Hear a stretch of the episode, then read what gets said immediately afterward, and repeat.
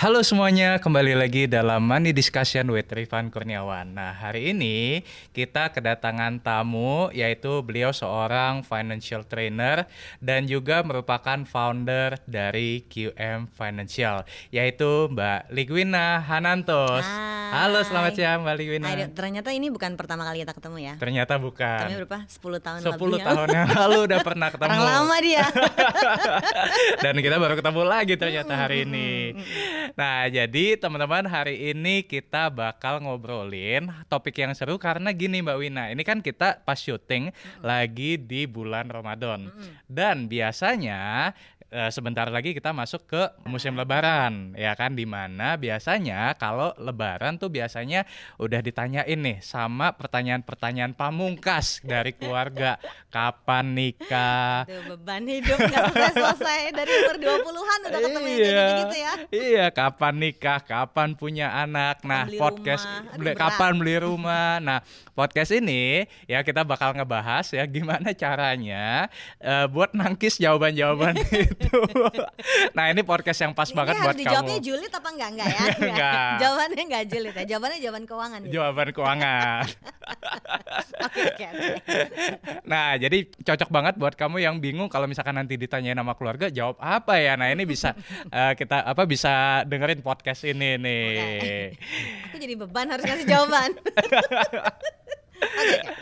Oke, Mbak Wina. Eh, pertanyaan yang paling sering ditanyakan saat Lebaran yaitu kapan nikah. Nah, sebenarnya kalau menurut Mbak Wina dari perspektif finansial, sebenarnya kapan sih seseorang itu bisa dikatakan siap menikah secara finansial? Let's say misalkan kayak harus punya tabungan berapa sih atau ada nggak sih ukuran-ukurannya Mbak Wina? Teori ya.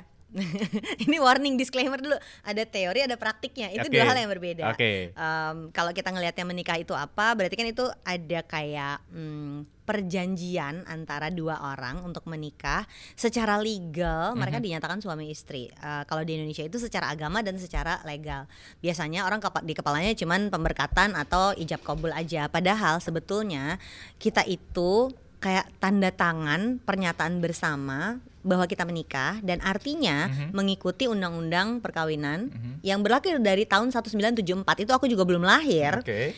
bahwa mulai saat kita sudah menikah semua jadi milik bersama Oke. sehingga pada saat menikah sebenarnya isu finansial itu berurusan terutamanya pada saat berurusan dengan legalitas harta dan utang kita akan seperti apa Hmm. jadi kalau ngomongin kapan kita siap menikah udah siap belum bahwa kita akan masuk ke dalam sebuah Hmm. institusi pernikahan yang semua tuh jadi milik sama-sama Hmm. Nah, yang kayak gini artinya kan juga berhubungan sama perjalanan hidupnya abis itu apa? Teorinya berarti Hmm. mau tinggal di mana, Hmm. terus nanti ngatur uangnya kayak apa? Karena tinggal di mana akan mempengaruhi cara kita hidup dan mempengaruhi cash flow-nya kayak apa. Jadi Hmm. bisa kebayang kalau belum punya pekerjaan udah menikah, Hmm. efek panjangnya adalah terus mau makan pakai apa? Hmm. Teorinya gitu. Tapi tentu saja menikah kan nggak selalu finansial dan legalitas ya, Van. Betul. Hmm. Menikah tuh ada ada cinta lah.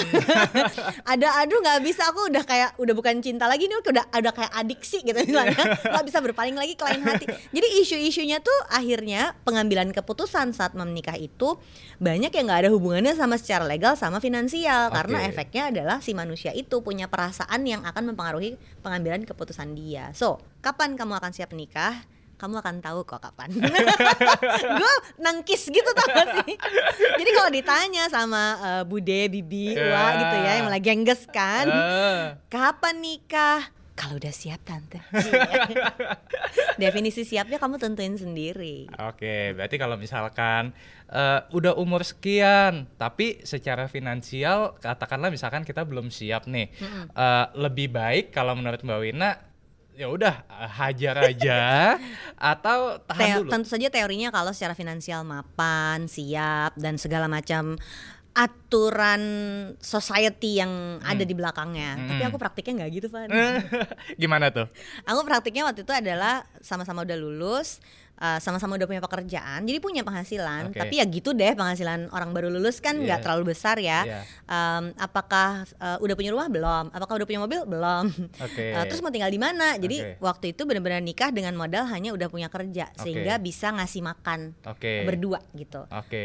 Tapi kalau dibilang udah mandiri apa belum, independen apa belum, jawabannya belum. Oke. Jadi teorinya tentu saja kalau sudah menikah itu um, kita kalau yang punya budayanya independensi gitu ya, valuesnya independensi, kita akan oke berpisah dari orang tua tadi. Mhm. Tapi values itu tidak selalu benar kan? Ada yang valuesnya nggak apa-apa kita co-living aja sama orang tua, jadi hidupnya komunal. Nah yang kayak gitu akan beda pengaturan keuangannya dengan mereka yang memutuskan oke kita mau hidup sendiri. Pas kebetulan aku sama suamiku tuh dari keluarga yang sama-sama punya values anak harus mandiri, Hmm. independensi dan ini bukan soal benar salah tapi ini values keluarga. Jadi kami shock juga ketika udah nikah, punya gaji, mm-mm, Hmm. tapi nggak mampu untuk pisah dari orang tua di Hmm. bulan-bulan pertama. Nah Oke. itu cukup shocking sih kalau buat aku. Oke, tapi kalau misalkan ada nggak sih Mbak Wina kayak eh, apa ya kayak standar tertentu punya tabungan sekian baru dikatakan kamu siap nikah nih? Nah, nggak ada. Nggak ada ya? Kalau ada. dalam keuangan tuh nggak ada, ya? nggak ada. Nah, dan ini menarik menikah itu eh, apalagi dengan kita budaya orang Indonesia, Nah. orang Asia, kita kan menikahnya nggak cuma berdua aja Hmm. dengan orang tua kita, dengan keluarga besar kita. Jadi pas hari pernikahannya aja udah ngeluarin ongkos. Hmm. By the way ya, eh, sedikit tips dari aku. ini tip, tipsnya tip, tips ngocol sih. Eh, kalau mau nikah pas lagi pandemi disegerakan karena bisa nikahnya pakai zoom. Oke guys? Ongkos lebih rendah. Lumayan ongkos ya. lebih rendah. Ngapain ngeluarin ratusan juta untuk pesta gede? Bisa DP rumah bo gitu kalau menurut gue ya. Iya. tapi kan again itu teori. Belum Iya. tentu itu kemudian di approve sama orang tua. Tapi Iya. anyway jadi kalau ngomongin harus punya berapa? Dulu aku inget banget Hmm. waktu eh, suamiku mau menghadap ke papaku untuk bilang kami serius mau menikah. Itu kita bawa deposito Oh ya? Wow. Zaman dulu bilet deposito masih di print ya, belum Iya. yang pakai digital account di handphone ya. Jadi benar-benar udah nyiapin bawa deposito, terus di depan orang tua tuh udah udah siap-siap ngomong. Tapi ternyata nggak ditanya kamu udah punya apa. Oke. Ah, ah. jadi buat bokap gue, oh ya udah kalau kalian udah mau berusaha uh, untuk nikah dan udah punya pekerjaan, urus sendiri deh gitu. Hmm. Dan karena values independency itu gue benar-benar dibawa keluar dari rumah orang tua dan pindah ke rumah orang tua dia karena ternyata ternyata nggak mampu untuk hidup sendiri di bulan-bulan pertama. gitu. Tapi berarti ada ini ya, Mbak Wina berarti eh, ada kan banyak yang percaya ada rezeki menikah. Benar gak sih kalau menurut Mbak Wina sendiri? kalau gitu kita nggak usah kerja ya nikah aja Jadi ya, katanya gue ngerti maksud lo, gue ngerti Ya. maksud lo. Eh, apa ya? Kalau dari sisi eh, manifestasinya Hmm. adalah eh, energi dua orang digabungkan itu hasilnya lebih powerful kalau gue ngeliatnya gitu. Daripada sendiri. daripada sendirian. Tapi kan em, ada orang yang pernikahannya juga nggak berhasil dan pisah. Hmm. Masa kita terus mau bilang berarti mereka rezekinya terputus? Lo nggak logis kan ngomong kayak gitu. Eh, yang kami rasakan sih waktu itu artinya eh, karena punya tujuan bersama, jadinya secara eh, apa ya upaya tuh bisa lebih fokus mau ke mana. Jadi eh, kalau ada yang memang punya standar, pokoknya sebelum nikah harus beli rumah dulu. Hmm.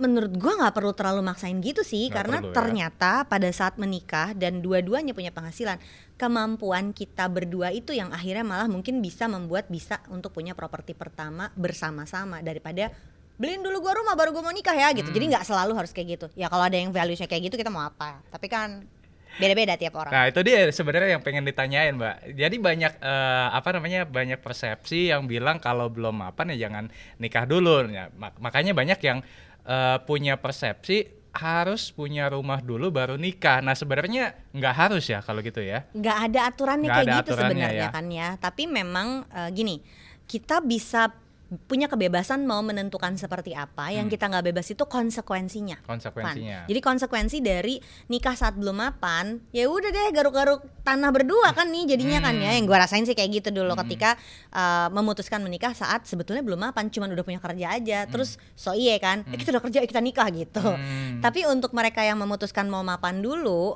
tentu saja memasuki jenjang pernikahannya itu secara finansial lebih ajak. Jadi kalau menyusun rencana keuangan eh, apa ya kayak checklistnya tuh bisa lebih banyak ditik duluan Hmm. gitu. Jadi ada konsekuensi seperti itu. So Hmm. ini harus kita kembalikan ke masing-masing. Mau menikah sebelum mapan atau mau menikah sesudah mapan itu balik lagi ke kita masing-masing. Nah, Gak ada ketentuannya. Definisi mapannya itu ada nggak mbak? Nah, itu ada teorinya. Hmm. Sekali lagi, teori dengan praktik boleh berbeda ya.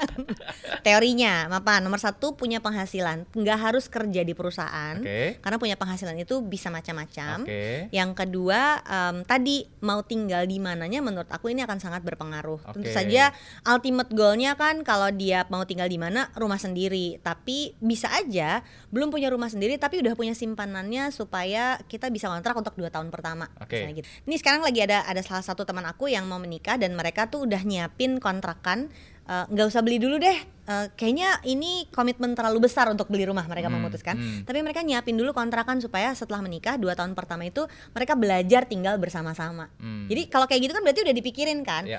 menurut aku itu udah masuk yang mapan walaupun belum yang ultimate punya rumah sendiri. Jadi semua ada prosesnya sebenarnya. Hmm. yang ketiga menurut aku adalah em, kamu udah tahu belum kira-kira punya simpanan berapa kayak macam dana darurat gitu yang akan membantu kita em, karena secara apa ya psikologisnya gitu ya Hmm. kalau punya uang simpanan yang jumlahnya satu kali pengeluaran bulanan atau tiga kali pengeluaran bulanan relationship kita sama uang itu membaik Van Hmm. jadi kebayang nggak masuk ke dalam sebuah pernikahan Mhm. terus udah tahu mau tinggal di mana walaupun cuma kontrak doang Mhm. terus punya uang untuk makan tiga bulan ke depan Hmm. dan dua-duanya punya penghasilan Mm-mm.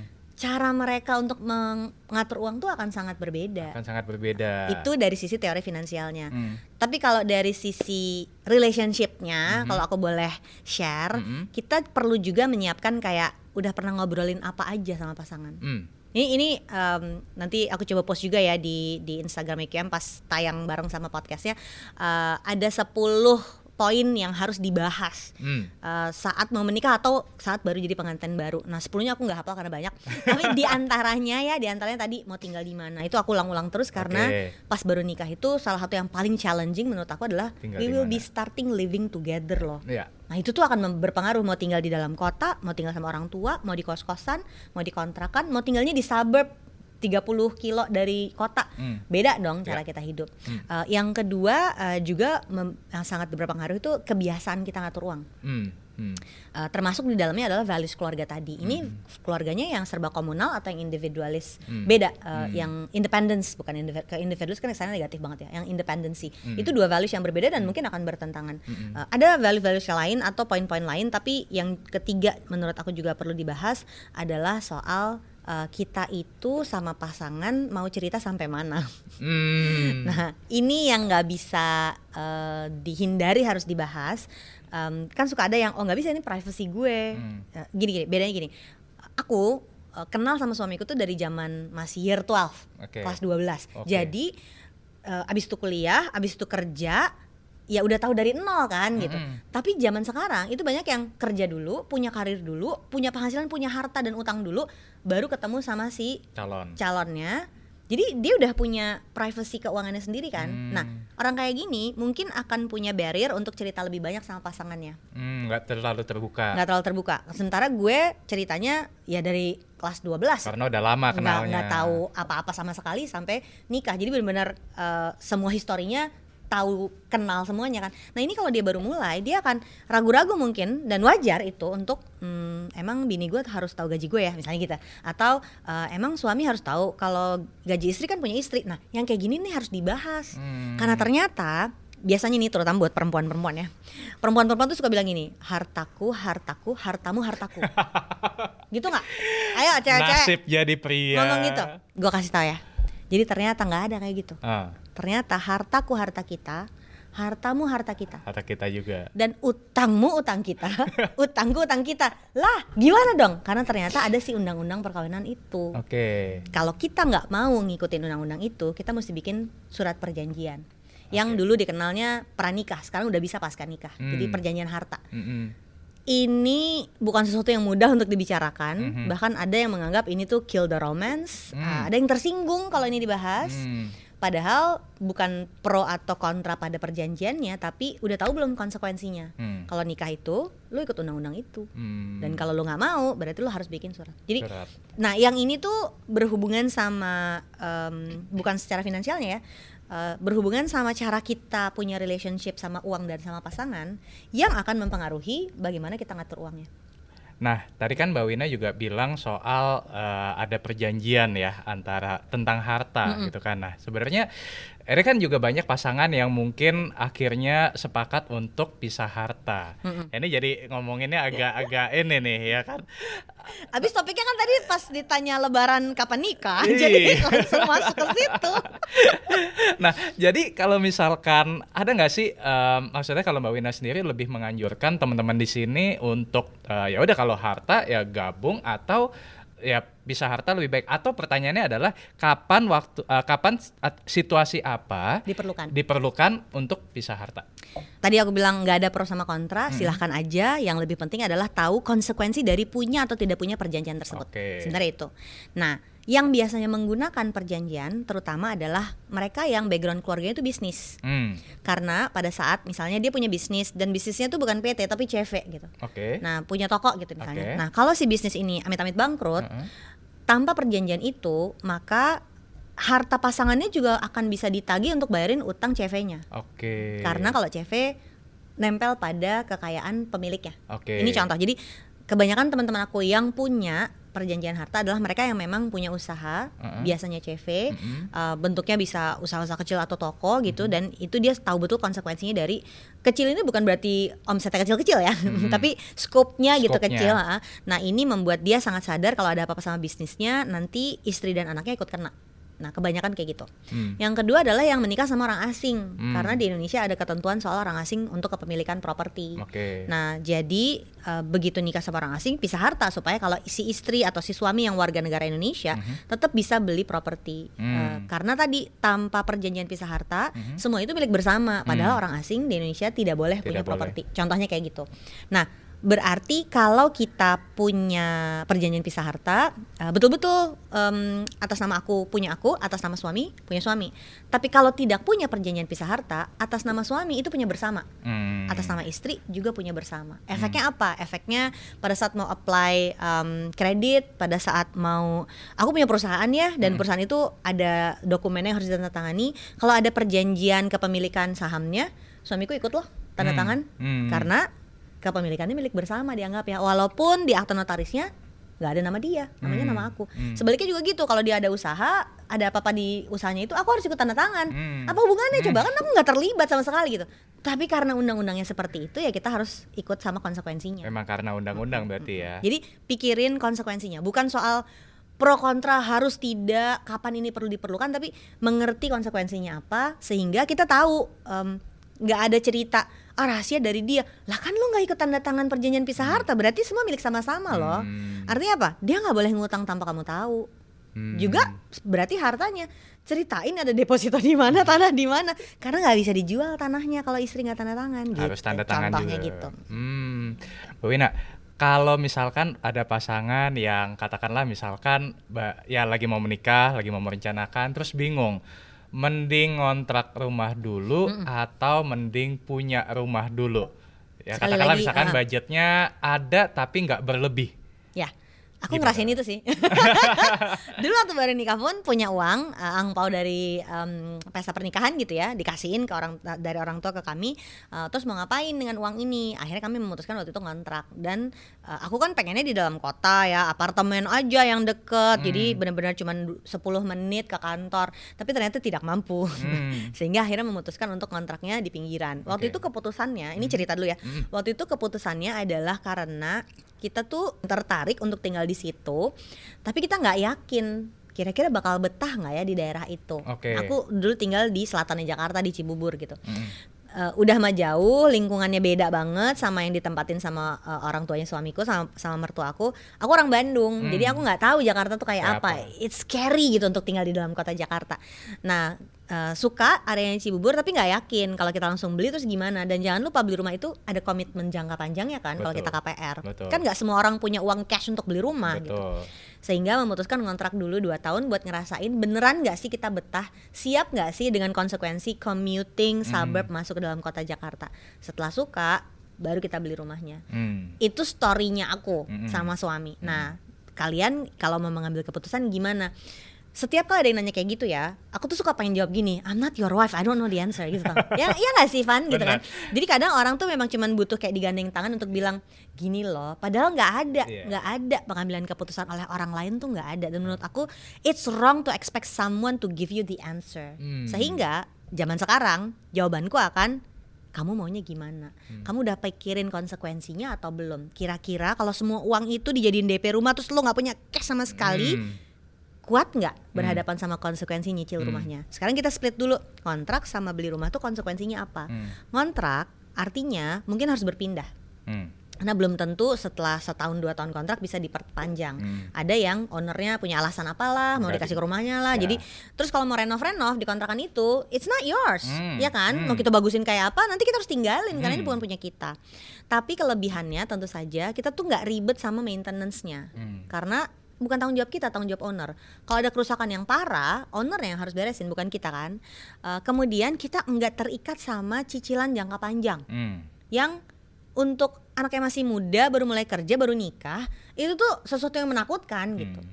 mendingan kita duitnya buat liburan akan gitu ya nih pandeminya udah mulai reda nih gitu kan semua ancang-ancang mau liburan Iya kan Yes. itu konsekuensi dari kontrak tapi konsekuensi dari punya rumah sendiri adalah ini untuk long term Iya. jadi setelah 10 tahun 15 tahun 20 tahun dan iya gue tahu mikirin panjang itu agak berat ya Ya. tapi artinya akan ada masa di mana si rumah ini tuh enggak lagi menyebabkan kita harus bayar-bayar ongkos yang mahal. Hmm. Kayak kontrak kan harus nyiapin uang kontrakannya tiap tahun. Kalau cicilan udah selesai, it's all yours. Ya. Mau direnov kayak apa, mau dibongkar kayak apa, Bebas. bebas punya kita. Tapi tentu saja negatifnya, kelemahannya adalah kita harus bayar cicilannya. Dan itu akan jadi beban selama bertahun-tahun. Hmm. Dan yang kedua, gini ya, punya rumah itu ada aja biayanya. Sok sebut apa? Toren bocor lah. Genteng lah. genteng lah apa rayap lah apalagi Eh, AC AC di rumah setelah enam tahun ternyata harus diganti semuanya geng gitu kan yang kayak Iya. gitu-gitu itu harus kita siapin juga Iya. jadi ada kelebihan kekurangan eh, kalau emang baru mau mulai aku sih biasanya ambil yang terendah ongkosnya di kamu dan terendah komitmennya Oke. supaya kita punya ruang untuk berubah pikiran I apalagi ini masih baru kan Iya. gitu Soalnya kan di zaman sosmed, di zaman sosial media kayak gini, Mbak Silau. Ya kan? Eh, udah punya rumah belum? Ya kan apalagi ya kalau misalkan lagi terus mau rumahnya lep- instagramable apa iya, ya kan Instagramable atau enggak? Apalagi sekarang pakai Zoom. Zoom Ya, kan kelihatan kelihatan, backgroundnya. ya kan. Nah, itu apalagi sekarang juga udah mau lebaran, ntar kan ditanya udah eh, udah punya rumah belum atau apa? Apalagi kalau misalkan kayak buka puasa, tinggal di mana sekarang? Nah, itu kan pertanyaan-pertanyaan pamungkas kapan sebenarnya. housewarming Nah, itu temen dia. udah housewarming semua kita kok enggak gitu Nah, itu dia. Jadi nangkisnya gimana tuh, Mbak? Kalau misalkan Uh, set your own standard kalau menurut aku Oke. kita uh, memang hidup di zaman medsos yang semuanya kelihatan tapi menurut aku yang kita nggak lihat itu background story-nya kan setuju. jadi orang tuh kayak nonton konser kita cuma lihat ada panggung seru penuh dengan lighting yang seru banget ada asap-asapnya terus nanti si penyanyinya muncul dari bawah terus lampu medsos tuh kayak gitu. Yang kita nggak lihat adalah tiga bulan sebelum konser si penyanyinya itu udah sampai uh, harus diurut lah karena dia olahraganya jadi kenceng banget dia ada uh, latihan koreo uh, sampai radang tenggorokannya latihannya sehari berapa jam itu kita nggak lihat. Persiapannya kayak apa kita nggak lihat. Jadi the backstage story itu ada di tangan kita Um, kalau aku ngerti gini, kalau kita berdamai sama kenyataan dalam hidup kita, Hmm. sehingga kita enggak halu, Hmm. kita akan berhenti terus membandingkan sama orang lain. Hmm. Dan ini menurut aku yang sangat penting. Hmm. Aku masih old school yang berpikir punya rumah itu penting Mhm. karena aku mikirnya long term kalau nanti udah sepuh Mhm. masih harus nyari uang demi ngontrak Hmm. itu repot sekali. Hmm. Jadi mendingan selagi masih muda aku cicil deh beli rumahnya. Hmm. Aku old school seperti itu. Kalau ada nih anak sekarang yang nggak percaya sama value seperti itu, Hmm. ya nggak apa-apa. Tapi hadapi konsekuensinya. Hmm. Karena artinya kalau kamu akan ngontrak seumur hidup, kamu harus punya cara berinvestasi dan cara mengatur uang yang berbeda. Hmm. Yang bahaya itu adalah cara ngatur uangnya sama dengan orang yang nyicil rumah. Jadi nanti di umur 55 atau 60 yang nyicil rumah udah selesai nyicil rumahnya, si yang ngontrak ini masih harus cari kontrakan terus padahal kita semua akan mengalami kemungkinan penurunan atau alih profesi di usia yang lebih tua nanti. Ya. Nah, ini yang menurut aku lebih bahaya sehingga Ya. aku suka diomelin orang ketika bilang umur 40 apakah baru udah punya rumah apa belum? Nah, itu aku suka diomelin orang tuh ngomong kayak gitu. Terus orang tersinggung ditanya kayak gitu. Hmm. Padahal maksudku uh, periode kita nyicil itu ada batasnya Hmm. sehingga lo mau nyicil 5 tahun sama 10 tahun tuh efeknya lain loh di Lain. jumlah cicilannya gitu. Itu yang harus jadi perhatian. Oke, Mbak Wina, tadi kan kita udah ngobrolin soal nikah. Nah, sekarang pertanyaan horor berikutnya yang sering Nanti ditanya. judulnya pertanyaan horor saat lebaran gitu kayaknya. Ya. Nah, pertanyaan yang paling sering ditanyakan juga adalah kapan punya anak. Nah, gimana tuh, Mbak? Apakah Takut. ada syarat tertentu secara keuangan kalau misalkan sebuah pasangan ingin punya anak? Ini kita bahas jadi ada rezeki anaknya juga nggak Van? Oh, iya. Eh, ini akan lebih eh, apa ya dalam muatannya kayaknya karena kalau nikah eh, apalagi orang zaman sekarang ya ya udahlah kita eh, siap untuk berjuang bersama gitu ya jadi Hmm. kalau awalnya eh, nikah hanya dengan modal udah punya pekerjaan aja mungkin hayu aja gitu nanti kita perjuangkan sama-sama tapi begitu udah punya anak kan tanggung jawabnya lebih dalam ya Dalam dan lagi. jadi ini mungkin akan lebih mengkhawatirkan untuk banyak orang Em, tapi aku pun pengalamannya tidak sesuai dengan teori finansial. Gimana tuh? Enggak, enggak. Aku teorinya tuh enggak sesuai finansial. Pengeluaran uh, yang akan terjadi saat Hmm. kita punya anak tuh uh, banyak banget ya. Mulai dari waktu baru hamil, terus uh, akan periksa. Um, bisa kalau mau ke bidan sama pukes- puskesmas, tapi kebanyakan orang kan akan pergi ke dokter kandungan yang artinya di dalamnya itu ada pemeriksaan rutinnya dan lain USG. sebagainya, USG segala macam itu tidak semua perusahaan cover Ya. Ya mau pakai BPJS kesehatan bisa tapi tidak semua perusahaan cover. Uh, sehingga akan ada ongkos yang mungkin kita harus keluarin sendiri. Plus kalau kita mau nambahin uh, ekstra suplemen gizinya misalnya. Hmm. itu ya ongkos sendiri lah kalau Iya. kayak gitu. Satu itu dari persiapannya mulai dari dia hamil. Terus waktu hamil itu ada ongkos lain yang Hmm. orang suka lupa. Ibunya nggak mungkin beli nggak beli baju baru kan bukan nggak mau nggak Benar muat juga. nggak muat Nggak muat, pasti harus muat. beli baju pasti baru. akan beli baju baru Uh, lewat dari itu adalah persiapan untuk melahirkannya Hmm. ada memang alternatif melahirkan yang enggak tinggi ongkosnya Hmm. tapi kalau di dalam perencanaan keuangan itu kita justru siapin termahalnya Mahalnya. supaya kalau ternyata ongkosnya diperlukan kita udah siap dananya Hmm. jadi kalau ternyata oh enggak kok eh, melahirkan normal di rumah aja oh ongkosnya nggak tinggi kita tahu-tahu ada komplikasi harus sesar Harus sesar. kita harus siap Hmm. Eh, aku punya tiga orang anak waktu anak pertama dan anak kedua suamiku tuh masih kerja di banking industry Hmm.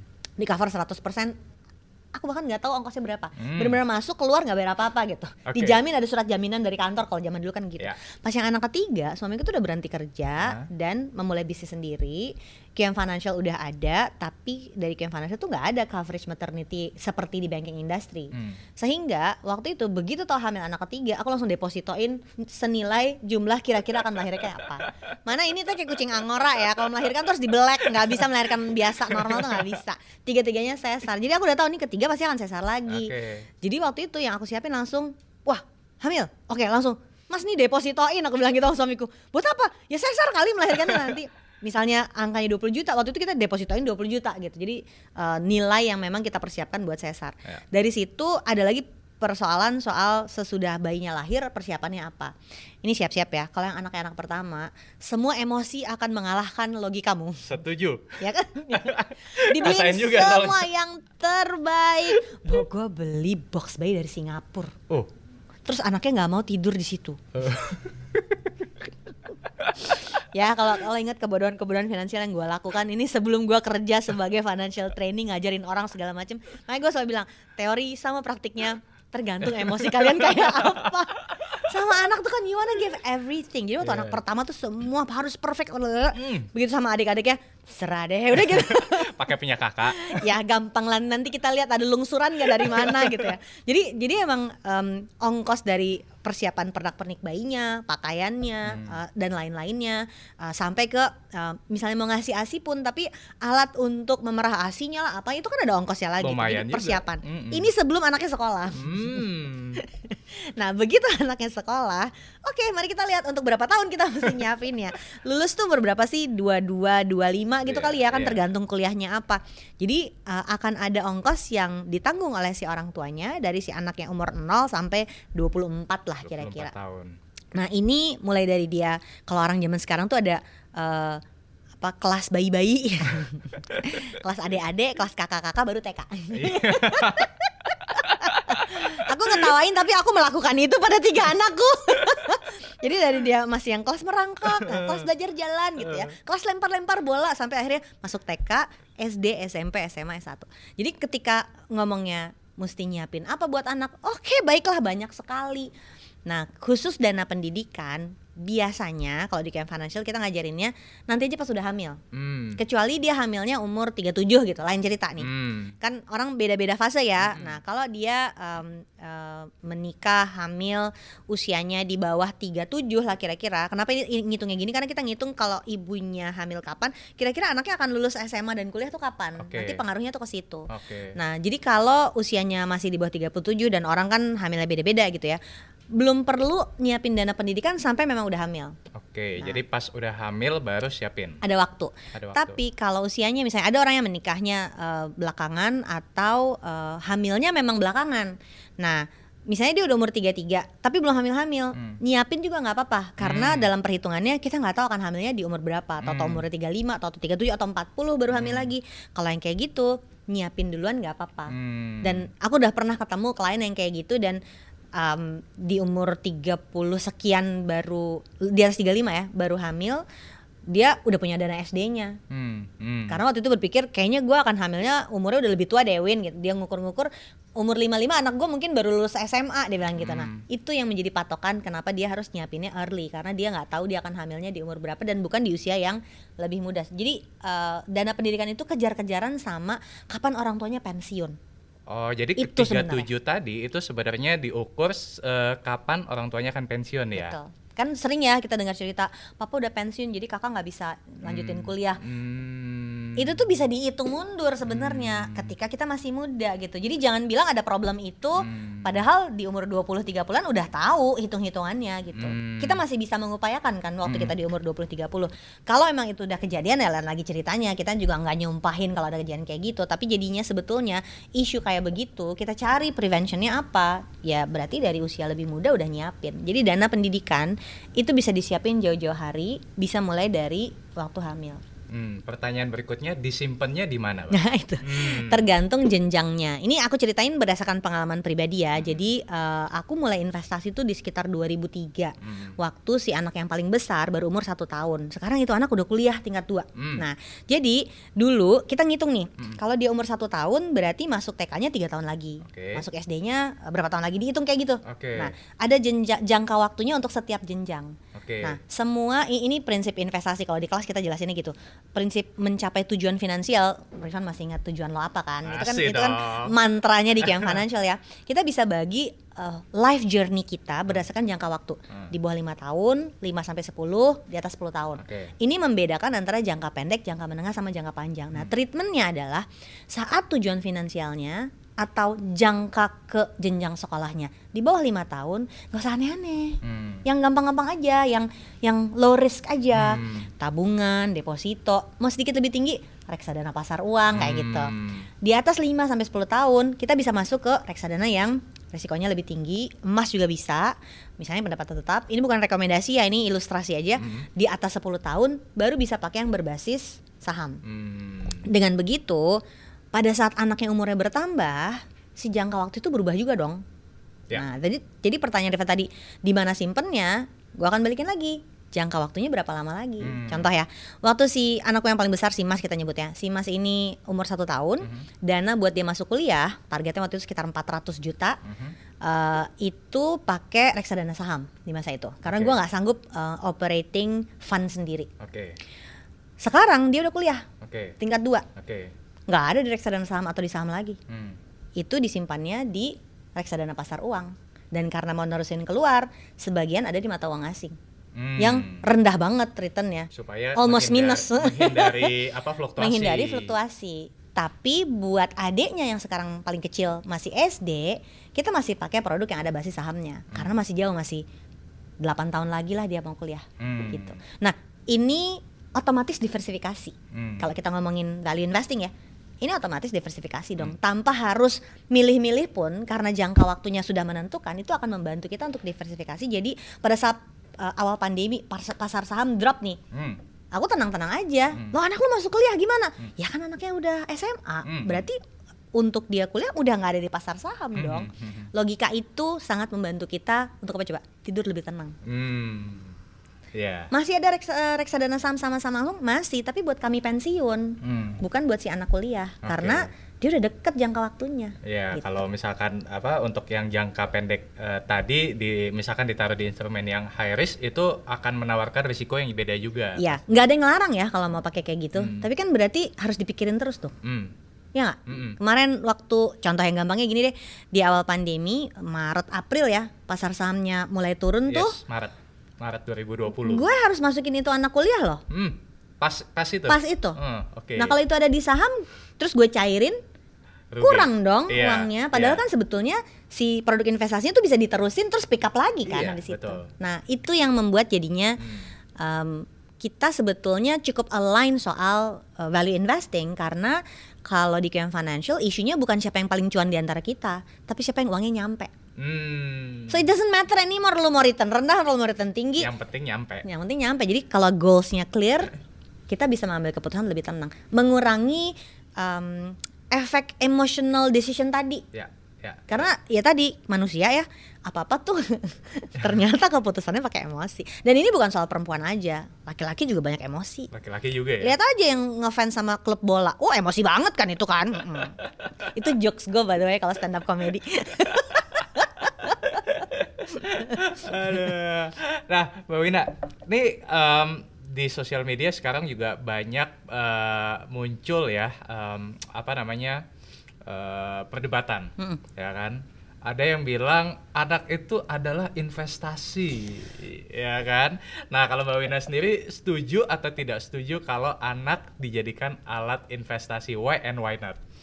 nggak setuju tapi itu balik dulu sama values di keluarga yang eh, mendukung independensi dari setiap generasi Mm-mm. nah jadi eh, pas dua-duanya ya Mm. di keluarga suamiku begitu di keluarga eh, aku orang tuaku juga begitu sehingga dari kecil dua-duanya itu didoktrin untuk lulus kuliah kerja Mhm. keluar dari rumah orang tua ini nggak berarti yang nggak keluar dari rumah orang tua salah dong, Iya. nggak berarti. Nggak berarti. Dan uh, punya privilege-nya untuk uh, dikasih pendidikan yang baik sehingga punya kemampuan menghasilkan sehingga bisa mandiri. Nah, nggak semua orang kayak gini. Hmm. Jadi kalau dibilang uh, bagus atau tidak, gue nggak bisa bilang. Aku nggak bisa bilang kayak gitu. Tapi uh, setuju atau tidak setuju, jawabannya nggak setuju Hmm. dengan ba- background si values keluarga yang independence tadi. Hmm. Sehingga kalau ada keluarga yang memang kerjanya eh, bukan kerja apa tapi valuesnya komunal, Hmm.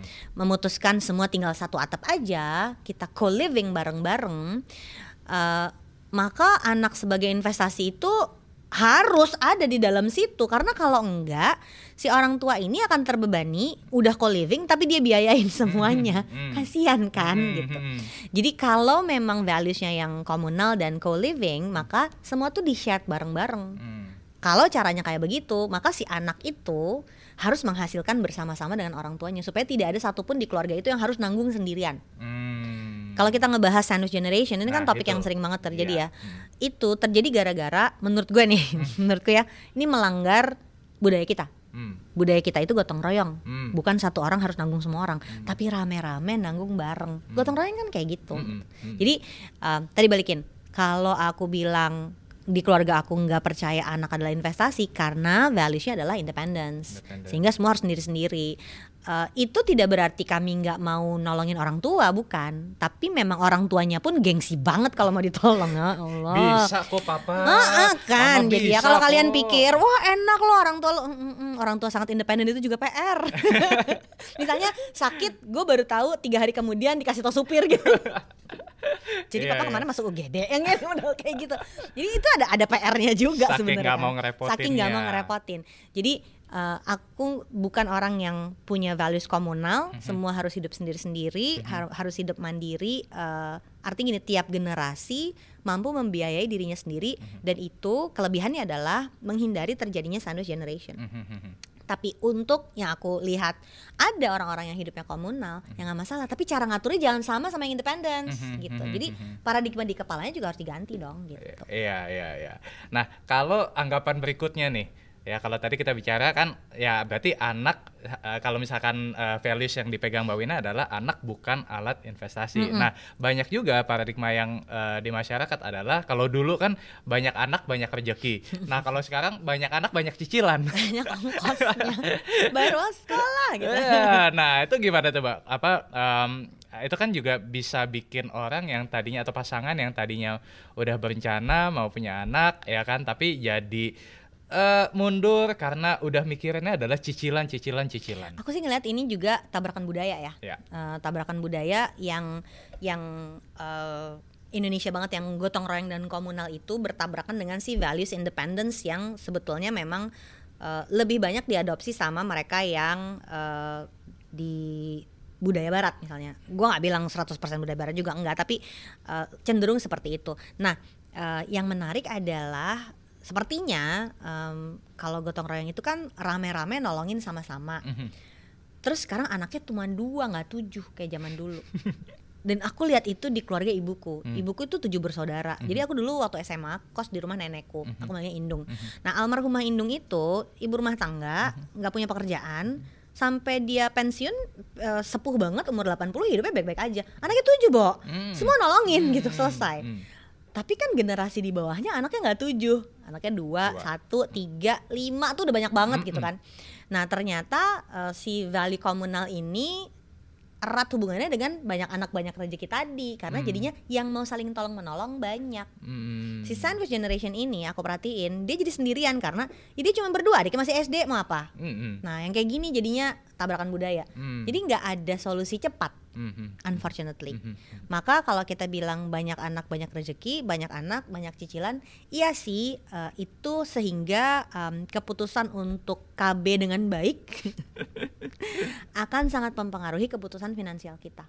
Aku tadinya anaknya cuma dua, terus ternyata ada si adek yang umurnya jauh nih sama si kakak-kakaknya. Itu mengubah banyak sekali keputusan finansial kita. I see, I see, I see. Nah, kalau Mbak Wina sendiri eh, ke anak-anaknya ngajarin investasi itu ada journey-nya nggak, Mbak? Ada ada journey-nya. Tips-tipsnya dong mungkin boleh dikasih. Kalau nih. investasi kayaknya masih jauh, Van. Jadi Hmm. em, dan mungkin anakku mesti ketemu sama kamu ya. Eh, jadi si anak yang paling besar ini udah kuliah ini anak laki-laki yang eh, punya financial literacy yang cukup baik. Oke. Tapi untuk investasi tuh dia masih maju mundur terus. Oke. Kayak eh, mungkin memang orangnya risk appetite-nya eh, enggak yang toleransi risiko tinggi ya. Oke. Jadi eh, sangat hati-hati orangnya. Nah, tapi eh, aku punya topik di Camp Financial namanya eh, Kids and Money Oke. kemudian berkembang jadi teens and money. Nah, Oke. si topik ini uh, kami dapatkan hasil journey ngajarin uang sama anak. Mm-mm. Dan ternyata hasilnya adalah ngajarin uang sama anak itu kita cenderung nabung nabung nabung. Hmm.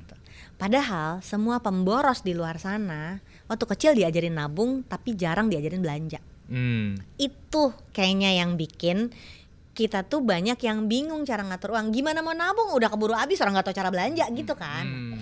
Nah itu startnya karena anak paling besar kan dia jadi guinea pig-nya kan, kelinci percobaan kan. jadi tuh dia kelas 1 SD, kita kasih dia uang setiap Jumat 10.000 ribu Oke.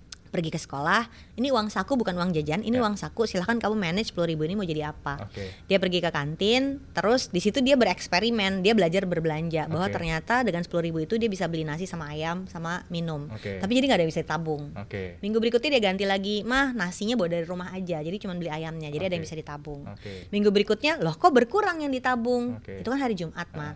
Aku tuh kalau Jumatan pengen masukin ke ini canceleng eh, apa? Celengan. Celengan, bukan celengan.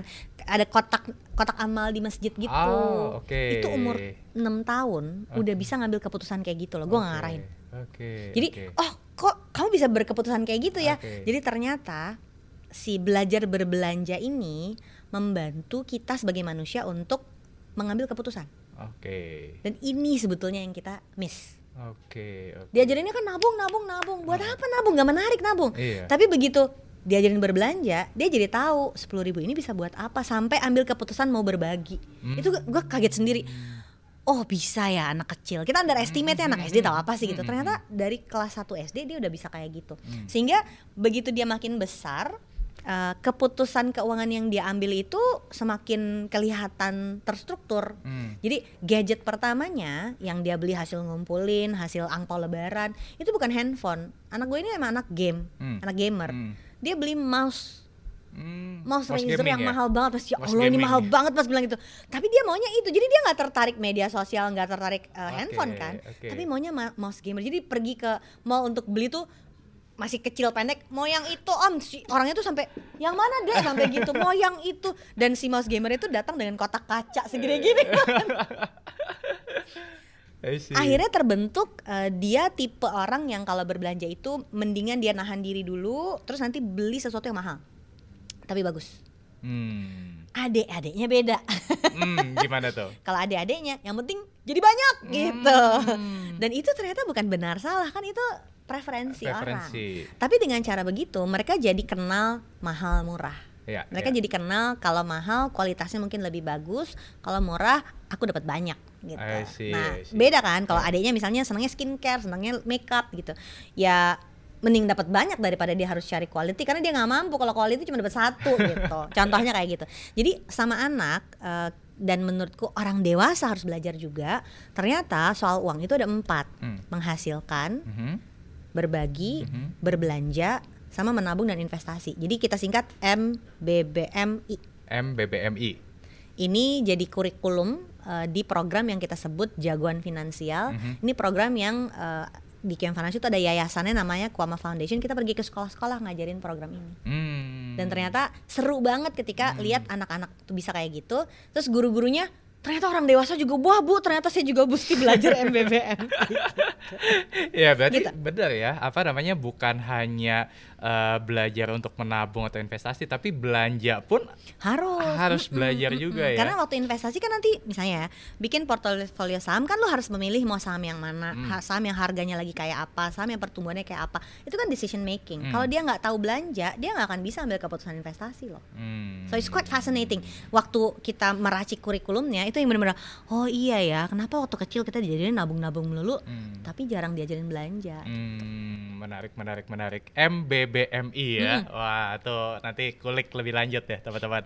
Nah, Mbak Wina, ah, terakhir nih, Hmm. ada nggak tips and tips atau pesan-pesan buat teman-teman di sini ya, yang mungkin sekarang lagi mau menikah atau lagi mau atau lagi galau nih eh, mau punya anak ya, ada nggak tips and trick atau ya pesan-pesan buat teman-teman nih, Mbak? Ya, pertama diobrolin. Eh, si pasangan hidup kita inilah yang akan mengarungi semua perjuangannya sama-sama. Jadi yang tadi aku bilang kadang-kadang orang tuh berpikir aku nanya aja deh terus tolong kasih jawabannya. Nggak bisa. Nggak bisa. Kita nggak bisa ngasih jawaban itu karena aku nggak tahu hidup kamu kayak apa. Hmm. Yang akan menjalani sama kamu itu adalah si pasangan kamu. Jadi bahas nih sama si calonnya atau pasangan yang sudah resminya, kita tuh mau hidup yang kayak apa. Hmm. Dan uh, it's okay to change your mind. Jadi Hmm. misalnya oh kita memilih untuk tinggal di pinggiran, terus ternyata nggak sanggup dengan trafficnya, ayo kita pindah ke dalam kota nggak apa-apa berubah tapi kan pada saat kita sudah kenal apa kebutuhan kita kita akan lebih tahu kebutuhan finansialnya mau kayak apa itu satu Mhm. ini akan mempengaruhi kalau di di Kiam Financial kami menyebutnya perumusan tujuan finansial Mhm. financial goalsnya Mhm. Kenapa ini menjadi penting? Karena kalau udah tahu financial goalsnya apa, berikutnya kita akan jadi tahu produk investasi yang akan melayani goals itu apa. Oke. Nah, konsepsi value investing yang Rifan selalu usung ini akan muncul di sini Ya. inline karena jadinya kita nggak cuman asal tembak Yes. kiri kanan aja pada saat kita udah tahu benar-benar. Tapi ternyata Van yang paling susah itu menentukan tujuannya. Hmm, kadang orang nggak tahu Karena ya. orang nggak tahu ya. nih aku maunya apa aja nggak tahu Hmm. gitu. Uh, apalagi ketika masih muda dan itu wajar dan itu wajar. Hmm. Sehingga uh, caranya gimana biar bisa lebih tahu tujuannya? Diobrolin. Hmm, hmm, hmm. Jadi akhirnya kuncinya adalah punya relationship yang baik dengan pasangan hidup kita sehingga itu membantu kita untuk tahu relationship kita sama uang mau kayak apa. Dicobain ada prosesnya dan ini nggak tumbuh semalam. Butuh waktu pastinya Betul ya. waktu ada proses. Oke teman-teman itu tadi obrolan kita bareng sama Mbak Ligwina Hananto, Financial Trainer and Founder of QM Financial.